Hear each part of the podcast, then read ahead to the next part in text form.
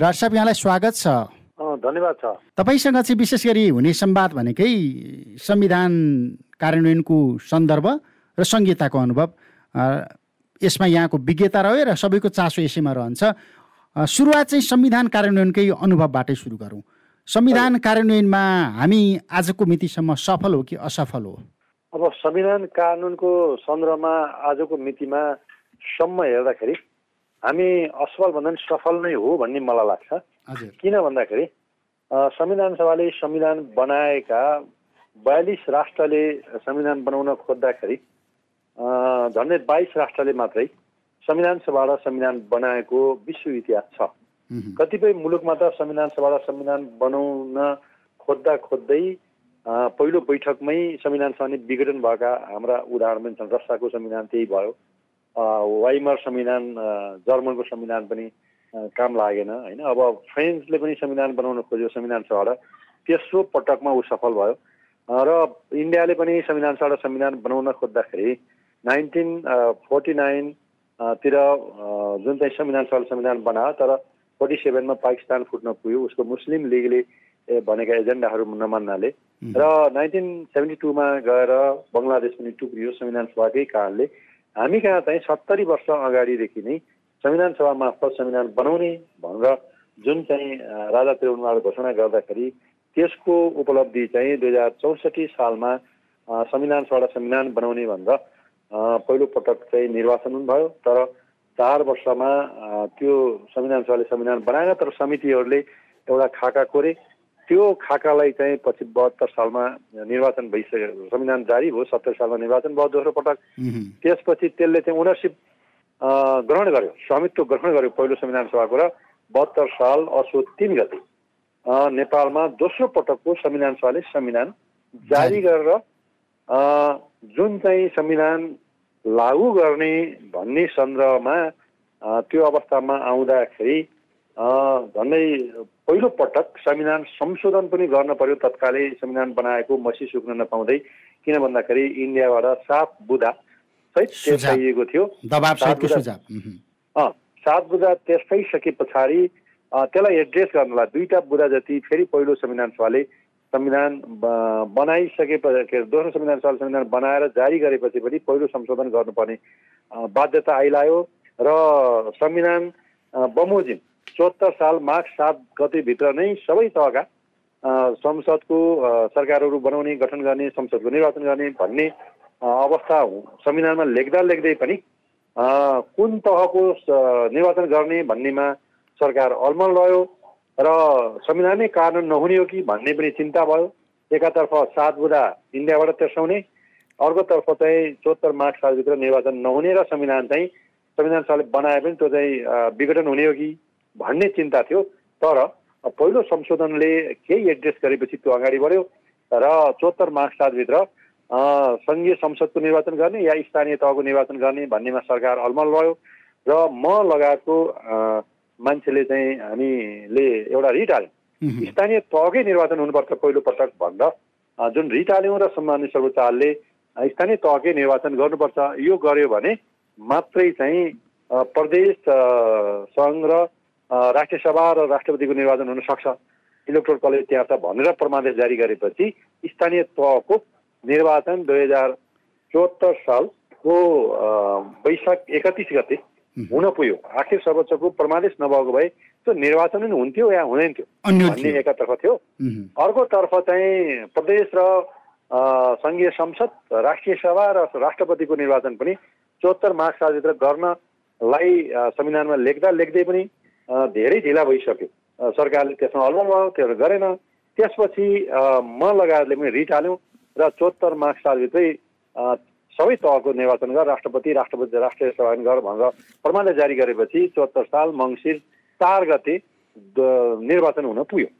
यो पुगेपछि एउटा हदसम्म तिन तहका संसद आए तिन तहका सरकार बने र उनीहरूले चाहिँ आफ्ना आफ्ना अधिकार एकल अधिकारका अधिकार अन्तर्गत सङ्घीय सरकारले कानुन बनाउन थाल्यो।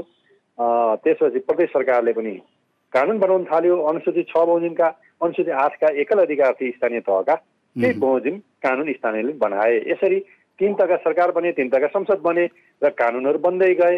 बन्दै गइसके पछाडि अब संविधानको कानुनको फेजमा पहिलो पटकको निर्वाचनको पाँच वर्ष बित्यो। धेरै कानुन बने तर कङ्क्रेन्ट अधिकार जुन साझा अधिकार छन् साझा अधिकारको स्पष्ट नीति र मापदण्ड दुई तका सरकारले अनुसूचित सातको तिन तका सरकारले अनुसूचित नौको चाहिँ कानुनहरू बनाउनु पर्ने त्यो कानुनहरू बनाउनलाई नीति र नीति र मापदण्ड बनाउन सकेन। त्यसले गर्दाखेरि अहिले धेरै यी सरकारहरू अझै पनि संहिताको आँखामा समावेशताको आँखामा अझै पनि कानुन नबन्नाले यो चाहिँ कानुन हुनलाई अझै जटिल छन्।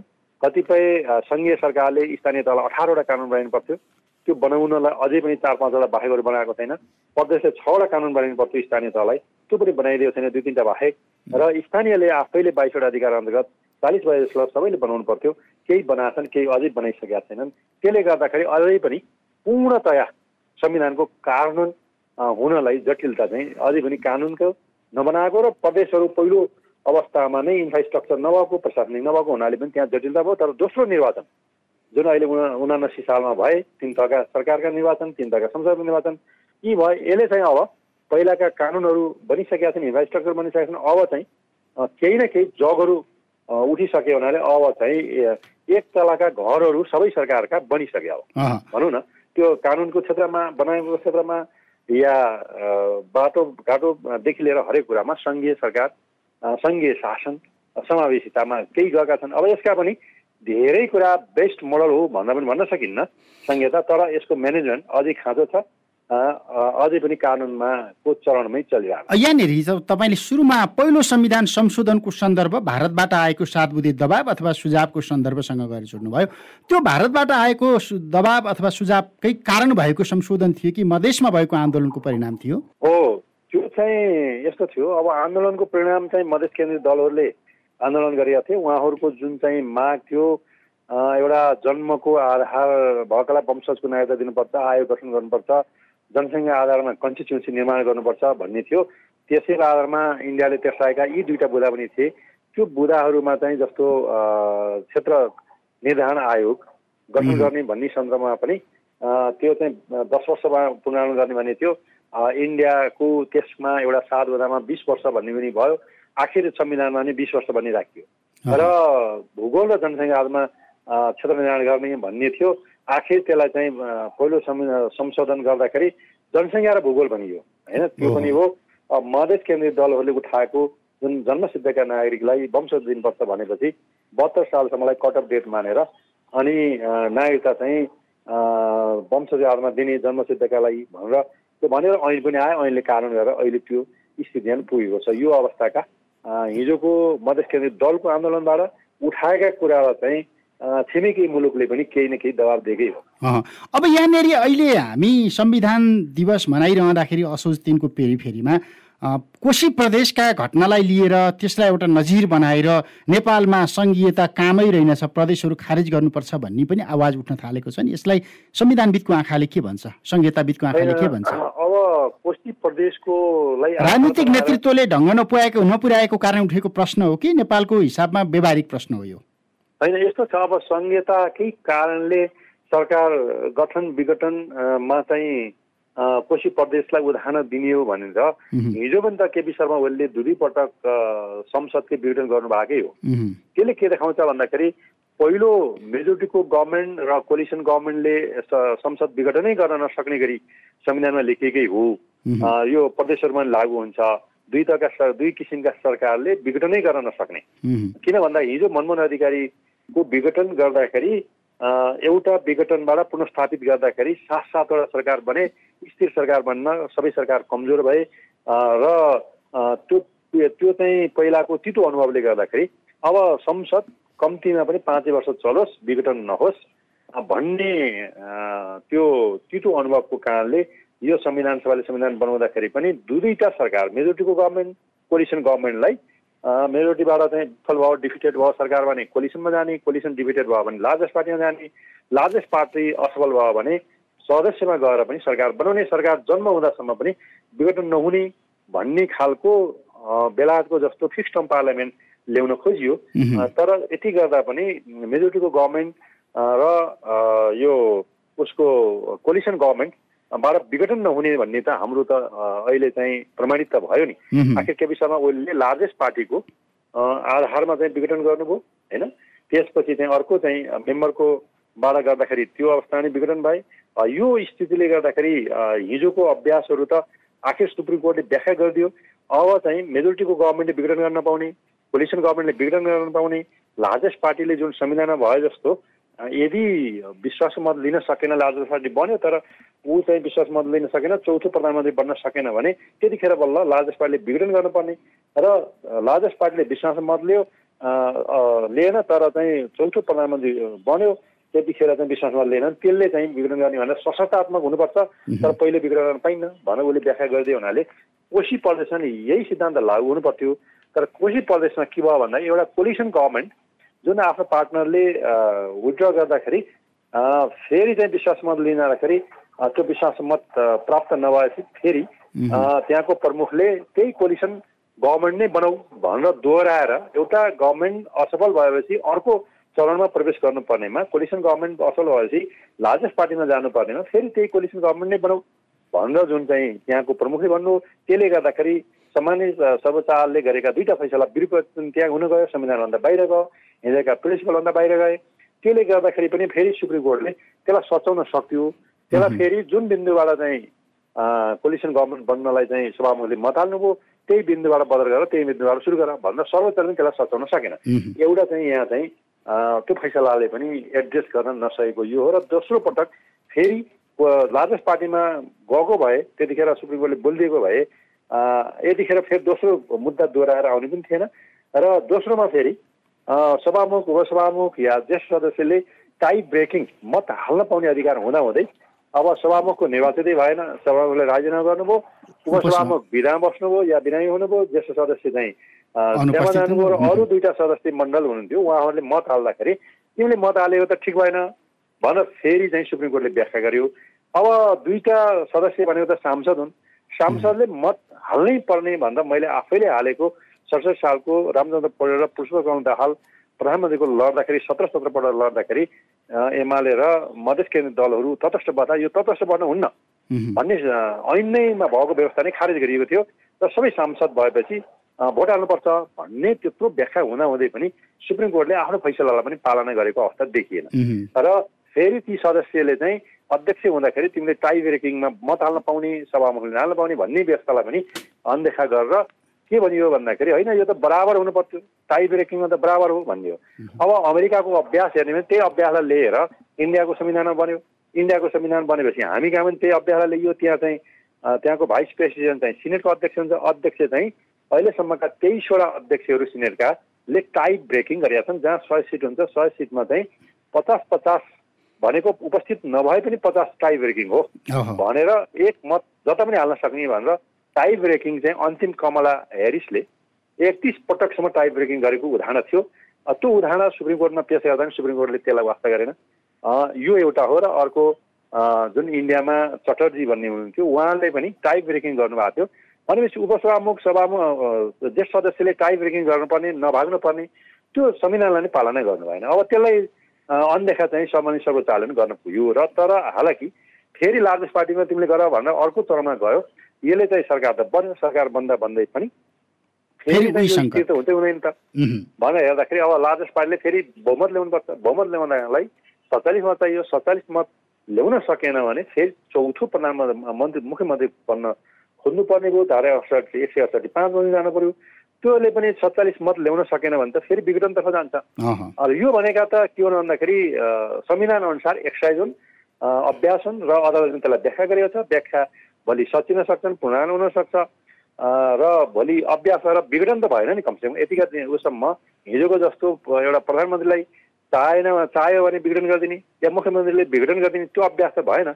तर सरकार बनुन्जेलसम्म त्यहाँ चाहिँ अभ्यास रहिरहे। यो पनि एउटा लोकतन्त्रको सुन्दर पक्ष हो संहितामा पावर सेयरिङ हो शक्ति बाँडफाँड हो तर संहिता हुँदैमा चाहिँ यो चाहिँ शासकीय स्वरूपलाई को आधार खराब भयो घातक भयो भन्ने अनि संहिता नै घातक हो भन्ने चाहिँ मिल्दैन। अर्को चाहिँ यो समीक्षा अवधिमा हाम्रो यो संवैधानिक आयोगहरूको अनुभव चाहिँ कस्तो रह्यो? अहिलेको संविधानले परिकल्पना गरेका दुईवटा मौलिक आयोग भन्छ कि क्या हो? संवैधानिक मौलिक आयोग। त्यो सहितको तेह्रवटा आयोगको अनुभव चाहिँ कस्तो रह्यो? होइन अब संवैधानिक आयोग चाहिँ सातवटा आयोगलाई हामी पुनरावरण गर्ने दस वर्षमा भनियो। अरू छवटा आयोगहरू चाहिँ ठाई आयोग बनाइयो आयोगहरूमा चाहिँ सातवटा आयोग चाहिँ पुनरावरण दस वर्षभित्र गर्ने भन्दा भन्दै छ वर्षमा मात्रै संविधान जारी भएको छ वर्षमा मात्रै आयोगहरू गठन गरियो। आयोग त संविधान जारी भएको धेरै धेरै नै गठन गर्नु पर्थ्यो बहत्तर सालमै गर्नु पर्थ्यो भने अब अठहत्तर सालमा आएर गठन गरेर त्यसको पुनरावरण कसरी हुनसक्छ? यो चाहिँ सरकारको कमजोरी भयो होइन? संवैधानिक परिषदको नि कमजोरी भयो। यो चाहिँ कहाँ संविधानमा लेखिएको कुराहरू भएन र अब दस वर्ष पुग्दा बित्तिकै पुनरावरण गरियो भने त उसको पाँच वर्षको छ वर्षको आयु पनि उसले आफ्नो संविधान अनुसार अभ्यास गर्न सकेन। यसले गर्दाखेरि पुनरावरण गर्ने भन्ने चाहिँ यो हुन सक्दैन यो कि त अस्थायी रूपमा जस्तो यो संविधान राख्नै हुन्थेन। कानुनी आयोग बनाइदिया हुन्थ्यो। अब संवैधानिक आयोग बनिसकेपछि दस वर्षमा रहने गरी भनेर राख्नु हुन्थेन यसलाई चाहिँ उच्च स्तरीय संविधान सुधार सुझाव आयोग गठन गरेर कि त थाहै राख्नु पऱ्यो कि खारेज गरेर कानुनी आयोग बनाउनु पर्ने स्थिति देखिन्छ। यो सरकारले यसलाई चाहिँ मूल्याङ्कन गर्ने स्थिति भन्दा पनि यसको चाहिँ केही अहिलेका कामहरू हेरेर इभालुएसन गरेर त्यो उच्च स्तरीय आयोग गठन गरेर गर्नुपर्ने हुन्छ। अरू छवटा आयोगहरू हेर्ने भने थाई आयोग पनि थाई आयोगमा चाहिँ कतिपय अवस्थामा त आयुक्तहरू या सदस्यहरू प्रमुख आयुक्त पनि नियुक्ति हुन सकेन। धेरै खाली रहे। पछि चाहिँ बिस्तारै चाहिँ यो भएपछि केही न केही सुधार त भएका हुन् तर अध्यादेशीय अध्यादेश ल्याएर संसदलाई छलेर दुई पटक त्यति बेला अध्यादेश ल्याएर बाहन्नजना संविधान निकायका पदाधिकारी नियुक्ति भयो। संसदीय सुनाइ गरेर मात्रै नियुक्ति गर्ने भन्ने थियो तर संसदीय सुनाइ नगरिकन पनि अनि नियुक्ति गर्दाखेरि मानव अधिकार आयोग जस्तो संस्थालाई अन्तर्राष्ट्रिय आँखामा ऊ चाहिँ ए ग्रेडबाट बी ग्रेडमा झर्नु पर्यो। त्यो अध्यादेशको राज भयो भन्ने पनि भयो। अदालतमा पनि सत्ताइस आज पनि आजको दिनमा पनि त्यो बाहुन्नजनाको परीक्षण थियो त्यो पनि आज पनि पालो आएन। संवैधानिक निकायको नियुक्ति। अब अदालतले पनि यसलाई प्रायोरिटीमा राखेर अग्राधिकारमा राखेर हेरिनु पर्थ्यो त्यो पनि गरिएन भनेपछि। अब यो संविधान अनुसार सबै कुरा चलेको छ भन्न त सकिन्न।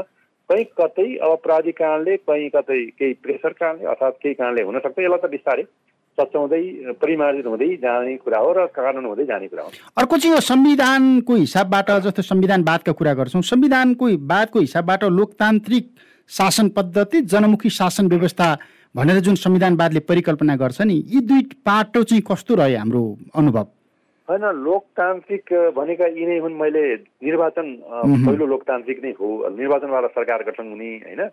निर्वाचनबाट सरकार गठन भए त्यही बहुमजिम सरकार चलाएन भने अर्को सरकार गठन हुने अर्को सरकार गठन यी त लोकतान्त्रिक पद्धति हुन्। संविधान अनुसार कानुन बनाउने कानुन बजिम नियम बनाउने नियम बजिम परि परिपत्र जारी गर्ने यस्ता त लोकतान्त्रिक विधि नै हुन्। अब यो त केही न केही भइरहेछन् त्यसलाई चाहिँ नभएको उसलाई समय समय सर्वोच्चालको संविधान इलाकाले पनि सच्याइरहेको छ। कतिपय जस्तो स्थानीय तहका पदाधिकारीहरूले भत्ता मात्रै खाने भनेको थियो तर प्रदेशहरूले तलबै खाने भनेपछि सुप्रिम कोर्टले त्यसलाई तलब खाने त संविधानमा नभएन बाध्य भनेर बदर गरी अठाइस अर्ब पनि बचायो होइन? यो पनि एउटा लोकतान्त्रिक पद्धति नै हुन् होइन? संविधानवादको अन्तर्गत गएकै हुन् होइन? यो एकातर्फ छ। अब जनमुखीको कुरा गर्नुहुन्छ भने दिन दैनिकी जुन चाहिँ जनतालाई चाहिने चिज हो होइन? सेवा सुविधा उसको चाहिँ जति पनि विकास निर्माणदेखि लिएर सारा चाहिँ अझै पनि सेवा सुविधा र खास चाहिँ शिक्षा स्वास्थ्य महत्त्वपूर्ण कुरा हुँदो रहेछ र आवासको महत्त्वपूर्ण कुरा हुँदो रहेछ खानेपानी महत्त्वपूर्ण हुँदो रहेछ यी कुराहरूमा बिजुली महत्त्वपूर्ण छ यी कुराहरूमा केही हदसम्म पहिलाभन्दा राम्रो पक्ष भए पनि अझै जति पनि जनताको अपेक्षा थियो त्यो अपेक्षा चाहिँ अझै हुन सकिरहेको अवस्था छैन जस्तो स्वास्थ्य चाहिँ कम्प्लिटली अन्य देशमा हेर्नुहुन्छ भने नि शुल्कै राज्यले आधारभूत स्वास्थ्य चाहिँ नि शुल्क गर्नुपर्ने हुन्छ त्यो कुरा चाहिँ संविधानको मौलिक हकमा राखिएकै छ। अब शिक्षा पनि निशुल्क गर्नुपर्ने हुन्छ। स्वास्थ्य र शिक्षा चाहिँ निशुल्क गरियो भने र इम्प्लोइमेन्ट भन्ने हुन्छ रोजगारी पनि राज्यले नै सिर्जना गरिदिने र गल्फ कन्ट्रीमा जान नपर्ने गल्फ कन्ट्रीका मान्छे गएका पनि फर्केर आउने यस्तो चाहिँ वातावरण जबसम्म हुन्न। इन्डस्ट्रीलाई चाहिँ एउटा उद्योग मैत्री चाहिँ इन्डस्ट्रीहरूको हाम्रो नीति बनाउनु जबसम्म तबसम्म चाहिँ रोजगारी चाहिँ सिर्जना हुन सक्दैन।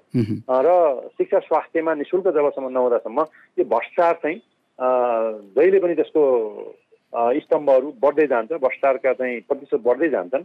त्यसले शिक्षा र स्वास्थ्य चाहिँ नि शुल्क बनाउनेतर्फ वेलफेयर स्टेट बनाउनेतर्फ राज्य चाहिँ उन्मुख हुनुपर्ने हुन्छ जहाँ चाहिँ सम एउटा समाजवाद उन्मुख राज्य पद्धति भनिन्छ त्यसको कानुन अझै हुन सकिरहेको छैन। त्यसलाई चाहिँ बिस्तारै गर्दै जाँदाखेरि पहिलो कानुन शिक्षा र स्वास्थ्य नै निशुल्क हुनु पर्यो आवास र खाद्यान्न यी कुराहरू जन जनतालाई राज्यले ग्यारेन्टी गर्नुपर्छ। सुनिश्चित गर्नु अनिकालमा कोही मर्न नपरोस् रोग लाएर कोही मर नपरोस्। यो कुराहरू ग्यारेन्टी राज्यले गर्नुपर्छ। अन्त्यमा शक्ति सन्तुलन र यो नियन्त्रण सहितको शक्ति पृथकीकरण अनि संवैधानिक सर्वोच्चताको व्यावहारिक पालनाको सन्दर्भमा चाहिँ समीक्षा अवधिको अनुभवलाई यहाँले कसरी हेर्नु भएको छ?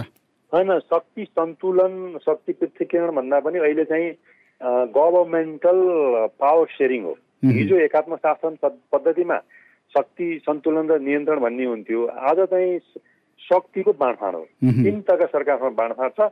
अब स्थानीय तहका प्रदेश तहका सरकारहरू अझै पनि सङ्घीय सरकारको दाँजोमा धेरै कमजोर छन्। अझै स्थानीय तहको आँखामा प्रदेशहरू कमजोर छन्। सबैभन्दा कमजोर सरकारहरू प्रदेश छन्। किन भन्दा उनीहरूलाई करहरू आठवटा चाहिँ दियो छ चारवटा करहरू त स्थानीय तहसँग ओभरल्यापिङ छ। स्थानीय तहले साठी प्रतिशत उठाउँछ आफूले उठाएर साठी प्रतिशत राख्छ चालिस प्रतिशत प्रदेशलाई दिन्छ। र केन्द्रले पनि आफ्ना करहरू अनुदान नै प्रदेश र स्थानीयलाई बराबर पन्ध्र पन्ध्र पर्सेन्ट दिएपछि प्रदेश त एकदम नितान्त विक नै भयो एकदम कमजोर हुने भए यसले गर्दा सङ्घीयमा चाहिँ जति बलियो सङ्घीय सरकार सङ्घीय शासनमा केन्द्रीय सरकार कमजोर हुनुपर्ने हो अरू तल्ला सरकार बलिया हुने भने विकास निर्माणहरूदेखि लिएर स्थिर सरकारहरू हुन्थे। अब त्यो चाहिँ अझै हुन सकिरहेको छैन।